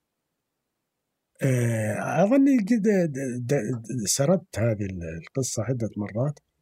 آه، كان عندي صديق كويتي اسمه محمد آه، يوسف العيسى من جناحات. كان زميلي من أمريكا. وكان عنده شاليه في سويسرا. ورحت أنا وأولادي وزوجتي نزورهم و جاء الصبح أفطر معنا في الفندق. ويوم افطرنا قال عاد شوف. ترى في هذه القرية ما عندنا لا دكاكين ولا سينما ولا شيء نبت ما عندنا إلا الهايكنج قلت له وش هو ال hiking؟ قال ال hiking نطلع على الجبال. قلت له الله يعينك يلا. والله نروح ونقترض كنادر بكرامة وغصي و... ونمشي ونمشي. معنا البزران. والله وامشي معهم وأنا والبزران نسبقهم. متحمسين يعني. وشوي شوي شوي شوي شوي شوي يسبقون. وشوي شوي شوي شوي البزران قالوا والله خلاص تعبنا. جابوا لهم تاكسي. وبديت أدقس وراهم. دقس دقس دقس دقس لين خلاص قلت لهم خلصت ما ما عاد في واحدة في ذلك اليوم منذ ذلك اليوم جسمي يعورني أسبوع كامل. آه. اي دريت ان عندي مشكلة. فهذه المشكلة هي التي شجعتني وجعلتني إنه من ذلك الوقت في كل إجازة لازم لازم إنها تكون اجازتي هي الهيكل بس إيش اللي يعني إنه وش اللي اكتشفته خلاك؟ إيش اكتشفت؟ الم- صحتي نشاطي موقفي الذهني. موقفي الذهني يتغير. آه، فكانت يعني يعني هبة من من الله يعني. مثل ما صار في المحطات الكثيرة الأخرى. أيضا هذه يعني آه، يد خفية. وش أصعب رحلة hiking؟ أوه. آه، أصعب رحلة hiking بالدرجة الأولى هي كليمنجارو. كليمنجارو بالذات في العودة. أول شيء من مسألة اليوم الأخير اللي كم كيلو هي؟ كم كيلو؟ آه، ارتفاعها 5900 بالضبط بالضبط 5895 آه، بس تبدأ من أعتقد في حدود آه، حدود آه، ألف ألف ألفين وشوي من ألفين وشوي تستمر. في اليوم الأخير كم يوم؟ هي ثمانية أيام. ثلاث أيام. منها ستة أيام طلوع ويومين نزول. بس الطلوع لازم تطلع وتنزل لازم تطلع وتنزل. نعم. على أساس يتأقلم جسمك على قلة الأكسجين. في في آخر يوم كان اللي هو اليوم السادس لازم تصحى الساعة 12 من الليل وتبدأ الرحلة وهذه كانت أصعب مرحلة تبدأ الرحلة آه، معك لابس ملابس لأنها برد برد هواء من كل من كل اتجاه يجيك الهواء. حتى لو تعبت تشوف حصاد تقعد تظللها شو اسمه تذريك شوي ما الهواء يجيك في كل كل اتجاه. ف أما أمش ولا انزل ولا تموت ما فيها. كم عددكم؟ إحنا كنا 19 سلطان اكثرهم سعوديين. درجة الحرارة كم؟ آه، تنزل إلى 18 تحت الصفر. آه هذه أصعب واحدة وجاني عاد صعوبات كثيرة يعني. دقيقة بس الحين كان هذا آخر يوم كان أصعب شيء. عانيت شيء مع لا؟ أعراض لا. بس نشوف ناس لوحات ميتين هذا فلان مات كذا شوفوا. صورتها بالكتاب. آه. فطلعت إلى القمة؟ إي. بعدين كنت تقول إن الصعود آه، النزول كان أصعب. النزول أصعب. ليش أصعب؟ يعني جبالي أصعب لعدة أسباب. أول شيء إنك مرهق. مرهق جدا. اثنين ما عاد قدامك هدف. فيعني روحك المعنوية تقل. طيب وش اللي يخلي ال hiking هي الرياضة اللي أنت اخترتها؟ فإذا الصحه إيه. يمديني آخذ الجري ال- ال- ال- ال- لا الجري أنا ماشي. جربت جربت الجري. ما عجبك. لا جربت الجري ومش ما عجبني. الدكتور منعني قال لي إنه في سن معين يكون خطر على الركب. فنصحني إني ما أجري ولا جريت جريت مرة 10 10000 متر. ف وبعدين توقف. إيه. بس ال- ال- الهايكنج يا أخي تروح تشوف شوف خلق ربي يا أخي. تشوف الجبال وال والنباتات والمعالم الأثرية. وهذا اللي ينفتح قدامك ال- الفضاء يعني شيء هذا اللي يخليه جذاب. اما تقعد لي في شو اسمه جيم ما تشوف ال- الكاين بس برضه في نفس الوقت إنه خطير. يعني لا، ذكرت اسولف خطر. مع سعود العيدي آه، لأنه طلع هو إيفرست. ما كان معانا. هو اللي المرشد كان. كان معي وجنبي. ف... فعنده صور وفيديوهات لتجربته في قمة إيفرست إيه إيه. يعني مخيفة الناس تموت عندك طبعاً تشوف مخيف. يعني طبعا مخيفة فهي رياضة ما هي بس ممتعة هي برضه ممتعة خطيرة جدا جداً. خطيرة ما أظنها خطيرة لا ما أظنها خطيرة كثير يعني مثلا آخر مرحله آخر آخر رحلة يمكن شفتها آه، قبل حوالي يمكن 20 يوم أو شيء قررت إني أطلع قمة 2525 والسبب إنه خلاص آخر آخر أيامي في في الجبل وما سويت شيء نسوة. ويو عيد ميلادي. آه. فقلت لازم أسوي. فالمشكلة إني بدأت متأخر يعني بدأت الساعة واحدة ونص. فطلعت طلعت من حدود 1400 ووصلت بعد أربع ساعات ونص. وين ذا في؟ في في فرنسا. أه. في الألب. و وصلت وكنت مبسوط يعني كانت ممتعة و... وفي حولي ناس و... والطقس كان جميل وإلى آخره. وبعدين جيت نازل. يعني خذني أربعة ونص بعد بعد ساعة ونص يعني يقول صارت الساعة ستة. والله وأسرع بنزل يعني المرحلة أول مرحلة اللي هي آه، في القمة صعبة. فقلت لازم أول شيء تخلص من المرحلة الصعبة. فنزلت ولقيت آه، شاليه أخذت هواء إلى آخره. يوم نظرت الساعة ولا الله قربنا يعني والدنيا بدت شوية الشمس آه، قلت لازم فنزلت أول 200 متر كانت زينة ما يعني وصلت. مشيت ال 200 متر الثانية هي عبارة عن 200 200 200 مشيت ال 200 الثانية وإلى والله أني يوم بدأت أحس بالإحياء. وبدأ الليل يظلم. وأنا في وسط غابة. ما كنت خايف. بس آه، يعني كان الفكر ينازعني إنه هل أنام ولا أجر نفسي لين أصل؟ المهم يوم قربت على نهاية الميتين الثانية ولا يا الله يعني خلاص. ما دريت إلا نور يتبعني والله ما دريت الا تجيني هاك البنتين اللي ما شاء الله ما هنا بحلون.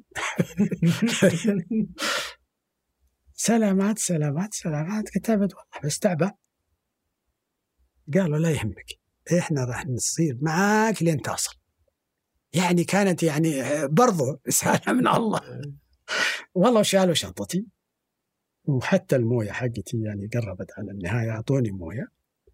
ورافقوني الين اني نزلت وصلت وصلت الساعة 11 وربع بالسياره الليل. فكانت رحلة يعني حوالي عشر ساعات. ف وجزاهم الله خير ساقوا السيارة. ركبت جنبهم ساقوا السيارة ودوني البيت وعشيتهم وأعطيتهم هدايا. بس ما يعني ما كنت خايف. هو بس مجرد إرهاق. هل أستمر؟ ولا أنام. كان ممكن أنام لأنه قدامي شاليه ممكن آه، أنام فيه يعني. ما ما كان في خطورة. بس يحذرون يجي ناس يذبحون الناس حول قوة إلا بالبر كل كل الوقت. ما عندنا مشكلة. طيب بس آه، ما يخلي هذا يعني أولادك يخافون يقولون يخافون ودائما يعطوني نصائح ولا تودي نفسك ولا تروح لحالك وما أدري وش أقول لهم طيب. الله يحفظهم لك ويحفظك لهم يا رب. طيب أمتع تجربة قد طلعتها؟ أمتع تجربة. آه والله شوف أمتع جبل طلعته هو جبل سانت كاترين. سانت كاترين في في سينا. آه كنت مع مجموعة. طبعا كالعادة أنا أتأخر. لكن كانت آه طلوع آه مرة يعني يسر الخاطر. الجبل جميل. وأظن الإسرائيليين مسوين التريل حق الدرب. وكان الدرب مرتب. فبالنسبة لي كان من أمتع آه، شو اسمه الرحلات اللي سويتها. واللي يقترب آه، معه بالمتعه كان جبل آه، أولمبوس اليوناني. جيت في وقت هو 2900 هذاك 2600 2600 وشوي. هذا الأولمبوس جيته في الوقت اللي زي في أواخر أكتوبر. اللي في غابة مرة جميلة قديمة كذا وأشجارها كبار و... وبعدين كل الأوراق طايحة في في الأرض. منظر بديع جدا. أنا أسميها الغابة الساحرة أو المسحورة. فطلعنا في هذه القمة وصلنا إلى ذلك الجبل المقدس عند اليونانيين اللي فيه ربهم رب الأرباب اللي هو زوس أو ذيو. فيقولون عرشه موجود هناك لا يزال هو موجود هناك ذيو. فطلعنا وكانت رحلة جدا ممتعة وفيها آه، الماعز البري كثير من قطعان الماعز البري. كانت رحلة جميلة. آه، على الدروب طيب. كيف وضع الدروب عندنا في الأماكن الجبال اللي في السعودية؟ ما في دروب، إحنا الآن مسوين جمعية. آه ولزموا على الزملاء الله يجزاهم خير إني أرأسها إن نخطط اللي نقدر عليه. فعندنا حاليا مجموعة من آه، الدروب اللي نوي ننوي استكمالها، استكملنا واحد في الرياض درب المنجور والآن الحمد لله كل يوم يروح له. أفواج تنافسون بالركض وبال... الحمد لله. سوينا واحد في مصيدزرع اللي اللي قبل الوعيه تعرف مصيدزرع هذه الصخرة اللي فيها شو اسمه الكتابات وال وال والجرافيتي الصور هذه. آه كملنا واحد في جلاجل نبي نفتتح الشهر الجاي إن شاء الله. وإحنا ماشيين على على طريقين. طريق واحد اللي هو طرق التحدي وال اللي اللي المفروض يجربونها اللي هم متخصصين. والثاني محاولة جلب السياح للمدن الصغيرة والمتوسطة. فبدأنا في جلاجل عندنا فكرة إن شاء الله ننتقل إلى بلدة ثانية قريب نسوي طريق يمر في المناطق القديمة والمناطق المهمة وفي نفس الوقت يطلع لجبال ووديان حول المكان. لعله يجلب المزيد من السياحة في هذه المناطق. بس هل وجود الدرب آه، رفاهية ولا ضرورة؟ لممارسي الرياضة؟ سؤال في محله. آه، أنا بعتقد أنه ضرورة. وأقول لك ليش. لأنه آه، رحنا لجلاجل. وجلاجل فيها نظام آه، ري فريد. رحنا للأماكن اللي كانوا يوجهون فيها السيول من أعالي الجبال إلى المزارع. هذه أهل الديرة ما يدرون عنها. فكونك تعلم أهل الديرة بتاريخهم و الظروف اللي انت مرت على اجدادهم هذا أنا بعتبره ضرورة. ف يعني أنا متفائل كثير إن شاء الله إنه في في هذا العام يجب إن ننهي على الأقل عشرة دروب ونستمر. يا رب. عندنا دربين عايناهم في الطائف. إن شاء الله نبي نبدأ فيهم ودربين في حائل. فعلشان نستمر في دربنا هذا في هذه الحلقة ودك ناخذ بريك ولا نكمل؟ على كيفك على كيفك يعني. كيفك أنت طيب آه فودي الحين الآن عمرك يعني ما شاء الله الله يطول بعمرك 83 سنة تقريبا انك ما تعرف يزود سنتين ونقص سنتين. ودي أعرف بعض الأشياء من هذه الحياة يعني ومن تجاربك آه ودي أعرف مثلا كيف تعرف السعادة؟ السعادة إنك تشغل نفسك. ما ما يصير عندك وقت إنك تفكر سعيد ولا. مس... ولا ما أنت بسعيد. آه في واحد ثاني نيكسون. عرف السعادة تعريف يعني يقول إنه السعادة إنك تعيش أكثر من أولئك الذين كانوا يتمنون إنك ميت.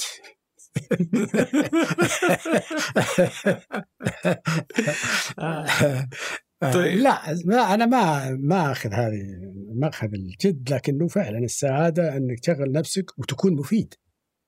تكون مفيد. إذا كنت طبلة ما فيك خير ما حد يبيك ولا منتبه لك. تكون مفيد لنفسك لعائلتك لمجتمعك للإنسانية. هذه طيب. إذا إذا إذا السعادة ناخذ نقيضها الحزن إيه. كيف تقدر تعرفه؟ أنا أحاول آه، أطرد الحزن. يعني عندي يعني آه، في ذهني دائما آه، أحاول أستعد للمجهول. بلان خطة ألف خطة باء جيم بحيث إني ما ما أفاجأ وإذا صارت المصيبة أكون متوقعها وموطن نفسي إني أتقبلها وبالتالي تطرد الحزن يعني الحزن مهلك. يعني يحطم يحطم ذاتك. فلا لازم تطرد الحزن. تطرده ولا تتعايش معه؟ ها هو هو هو في القضايا اللي تجيك أو المصايب اللي تجيك بشيء له حل. تحاول إن تلقى له حل. قد ياخذك وقت. إذا ما قدرت تحله خله في الرف يجيك الحل بعدين. آه وفي أشياء ما لها حل. مثلا لما مرضت زوجتي وكنت عارف إنها تبي تموت. الله يرحمه فتعلمت إني أتعايش مع هذا مع هذا الحدث و آه، لازم لأنه ما ما في حل ثاني لازم تتعايش معه زي ما ففي اثنين اما أما إنه في حل توجده إذا ما في حل لازم تدرب نفسك على إنك تتعايش معه. طيب كيف تتعايش أو تتعامل مع الفقد؟ معليش؟ مع الفقد والموت. الفقد والموت آه أنا عندي يعني آه أنا كأني عايش مع الأشخاص اللي, توفوا أحيانا أتكلم معهم يعني أه وأحس إني ما فقدت يعني. آه، كل واحد عنده ميكانيكية معينة في ذهنه يتعايش مع هذه بس بالنسبة لي لا. أنا أوجدت عدد من الأدوات آه، اللي اللي أقدر أتعايش معه في شيء آخر مهم آه، الحقيقة في شخصيتي و وهو أنه عدم الارتباط بالمكان الشيء الفكرة الشخص الحيوان. يعني ما يعني أحاول أنه ما أرتبط آه، يعني عاطفيا إلى درجة إنه لو راح أنا بروح. أو لو أفقده سيكون مأساة بالنسبة لي. هذه ربيت نفسي عليها من الصغر. لأنه المصايب والمتاعب واللي مرت علي يعني علمتني هذه الأشياء. بس وش خلاك تدرب نفسك عليها من الصغر؟ الخيبات العمل اللي اللي صارت لي.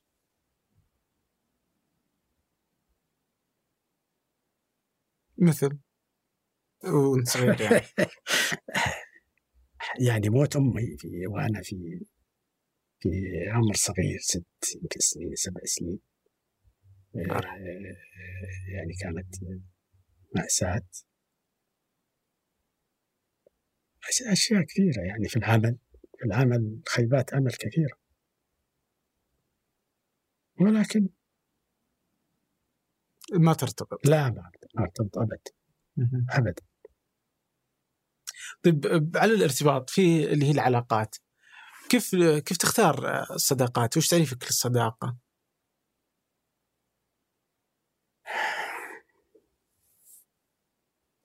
الصديق اللي تأنس برأيه آه، آه، يساعدك في أفكارك في آه، يتقبل منك أخطائك أنا ما أنظر للصديق أنه مصدر استفادة. لازم أستفيد منه. لا. وبعدين إنه ما يكون مزعج ولا يكون آه، عبء الصديق الصديق يعني آه، آه، وإحنا ناس مجتمعيين. نحب الناس نتعامل معاهم وتتعايش معاهم وأحيانا تتخاصم معاهم. حتى إنك في حاجة إلى الحصى بعض المرات. فلا ما عندي مشكلة في تعريف الصدق. طيب وش أكثر قرار أثر على حياتك؟ أوه. اولا الحمد لله وهذه أظن موهبة من الله إنه ما عمري اتخذت قرار أتحسف عليه. آه،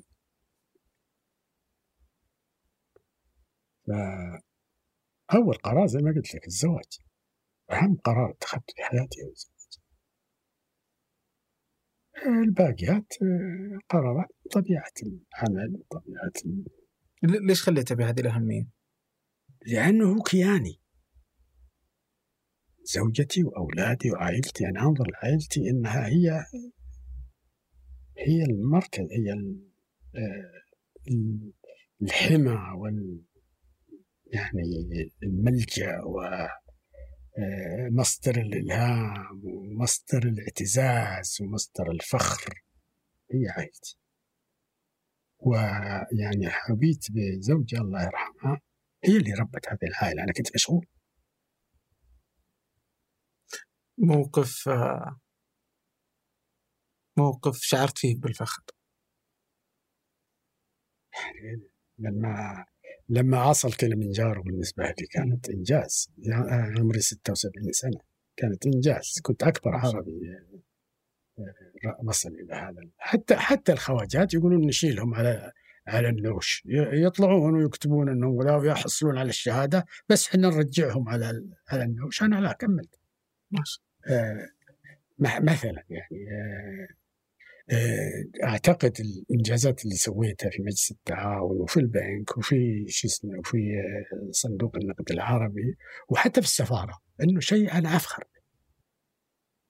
لأني أعطيته هذا هذا جانب آخر من شخصيتي. أنا أي شغلة حتى لو ما أنا بحبها أعطيها كل جهدي. عاد والتوفيق بيد الله. ما يعني كل المواقف الحمد لله والقرارات أنا أنا راضي عنها. لذلك ما عندي آه، تحسف ولا وهذا هذا هذا اللي الحقيقة يجلب الصحة الذهنية لك لما تكبر. انك ما عندك مواقف تتحسف عليها ولا اخطاء ارتكبتها آه، كلنا نغلط كلنا. لكن مو للدرجه اللي أنت تقول ليتني ما سويت كذا. لا الحمد لله. آه يعني الصدق انه يعني يعني يعني تجاربي لا تذكر مقارنة آه آه، بك. لكن دائما يعني ومليان أخطاء. إيه. بس إنه لو لما أنظر واطالع فيها وأقول وش في شيء ممكن أغيره لو رجع إيه، بي الزمن إيه. تجد ما أتوقع ما عندك- في شيء ما. عندك خيار. بكل الأخطاء. يعني هي اللي صنعتني ما إيه، صنع- يعني- صحيح آه. صح كيف تتعلم؟ كيف تتعلم من هذه الأخطاء؟ مم. لكن لكن لكن إن الآن يعني مثلا آه، لما تجد اللي أصغر منك وتشوفهم بيغلطون إيه. يجي في بالي إنه أبغى أنصحهم ولا تقول له لا تسوي زي كذا سواء إذا كانوا إخواني الصغار ولا شيء زي كذا فكيف تتعامل معاه آه، ومع أولادك؟ متى تتغاضى عن الأخطاء؟ متى إن رأيك يمشي؟ آه، لا ليه؟ ما صر رأي. حتى لو تشوفه يغلط؟ حتى لو أشوفه يغلط آه، أقول له لكني ما ما أفرض عليه رأي أنا الحمد لله ما علاقتي مع أولادي وأحفادي جيدة أحاول إني ما أتدخل قراراتهم ولا إلا إلا طلبوا نصيحه ولا اختياراتهم إلى آخره. آه، لأنه لما تجي وتكثر عليهم النصائح آه، يملون منك ف- انصح ال- ال- القدر اللي تصل الرسالة بدون ما تؤذي. بس هل هل في موقف تتذكره مثلا انك شفت أحدهم آه، يغلط وفقا لتعريفك للصح والخطأ؟ إيه. وقررت إنك تبتعد علشان هو يغلط عادي؟ لأن ما ودك لا تتدخل ما أبتعد. لا لا ما أبتعد. آه، لا أدخل معه وأناقش. أناقش معاهم بالتفاصيل. آه، خليني أقول لك أقول لك حالة. فيه آه، أحد أحفادي. كان أو كانت تريد إنه يتخصص بتخصص معين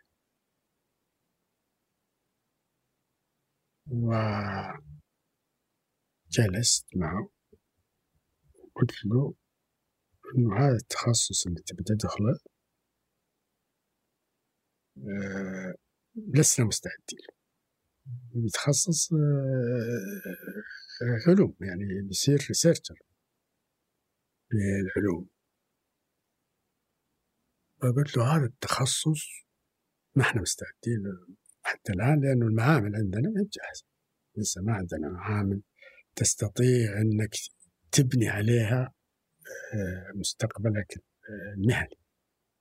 كأبحاث و... اي يمكن في فترة لاحقة بس الآن لا. ففعلا ما راح للجامعه آه، شاف الخيارات وغير غير توجهه. ف أدخل معهم في هذه النقاشات. آه، حتى في مسألة الزواج واختيار لا أدخل معهم إذا طلب مني. بس إني أتطوع واصير ملقوف وهذا مزعج لا. طيب إيش مفهومك للتربية؟ أعطي ال- الشاب أو الشابة حرية لا تخليهم تعطيهم تملي عليهم آه، قناعاتك وتطلب منهم يكررون التاريخ اللي مر عليك لا. في وقت آخر. وش مدى الحرية اللي تعطيهم اياها؟ حرية الاختيار حرية الاختيار يعني مثلا اختيار الوظيفة اختيار التخصص اختيار الشريك إلى آخره. يوم ناقشهم بس الخيار لهم. يعني مثلا حتى مسألة الوظائف أنا ما عمري تدخلت في ابني ولا لا ولا بنتي تتوظف في هذا المكان هي تختار. أوريها الخيارات وهي اللي تختار حتى لو اختارت أو اختار شيء أنت مقتنع تماما إنه غلط. أقول أقول إنه غلط بس ما أصر عليه.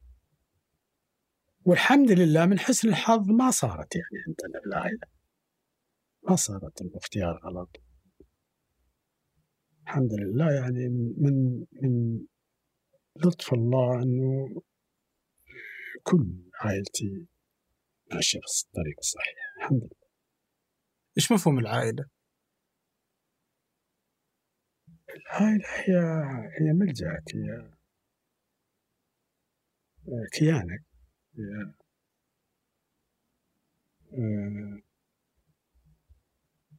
هي أنت.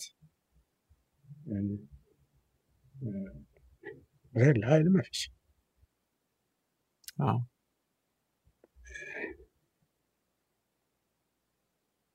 طيب آه، إذا بتعطيني بعض أسرار فإذا قلنا أسرار صحتك هل يعني وش أسرار الصحة الجيدة اللي ما شاء الله عليك يعني الحمد لله. آه بهذا السن وبهذه الصحة يعني أفضل من صحة ناس كثير.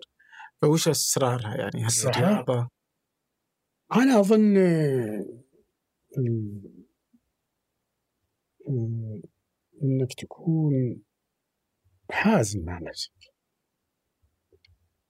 آه، إذا عندك برنامج أكل معين لازم تقيد به إذا عندك برنامج لل- للرياضة لازم تقيد فيها. النوم لازم تقيد فيه. وهذه يعني هبة من الله إنك عندك صحة جيدة. والأعمار عليه كل مصايب الأمراض والسل و آه، الأذاني كلها تخرقت وكسرت رجلي وكسرت يدي و آه، يعني كل واللوز وكل كلها يعني مرت علي وال- والحصبة وال آه، ف لازم تكون قاسي مع نفسك. لا تكون زلوق لما شفت الأكل كنت تجرع منه خذ الأكل اللي يكفيك أنت شديد في مسألة الأكل إيه. وش الشيء اللي ما تأكله نهائيا؟ ما في شيء ما أكل أنا أكل كل شيء بس إني آه، بالحساب يعني آه، لازم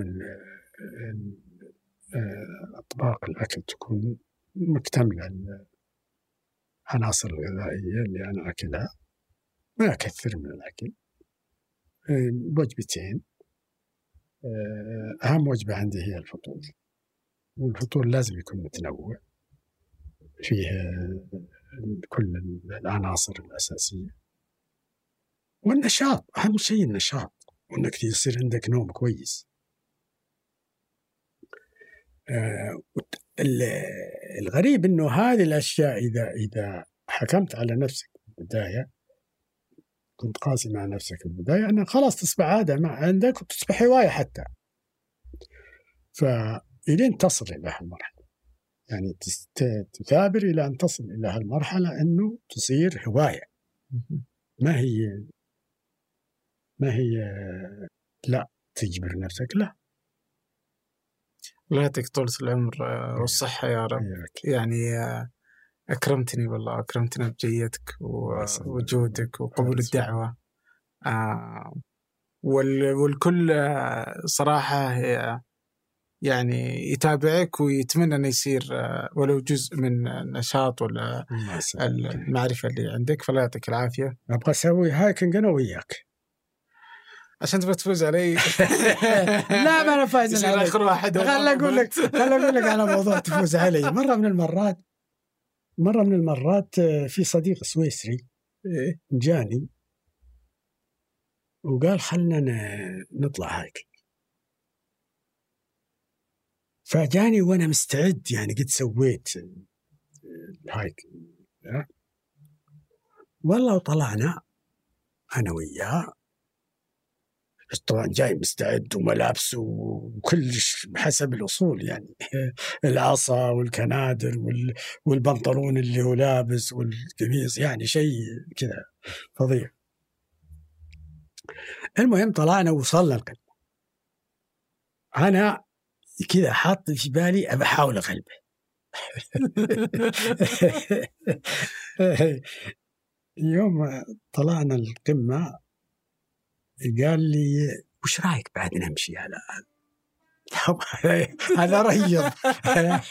قلت لا والله ينتظرون الجماعة.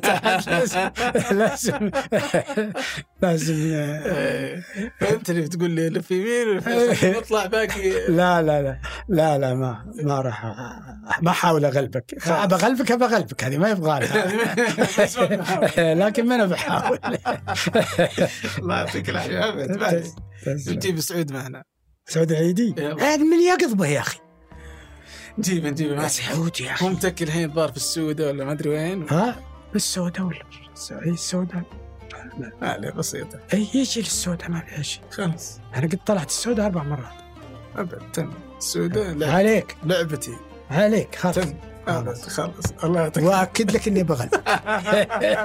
هذه نشك فيها. طيب نشوف. نشوف بالآخر ترى بالآخر صعب. والله؟ إي. شو اسمه التبة الأخيرة أحيانا لازم تشخبط. كم كم متر هي؟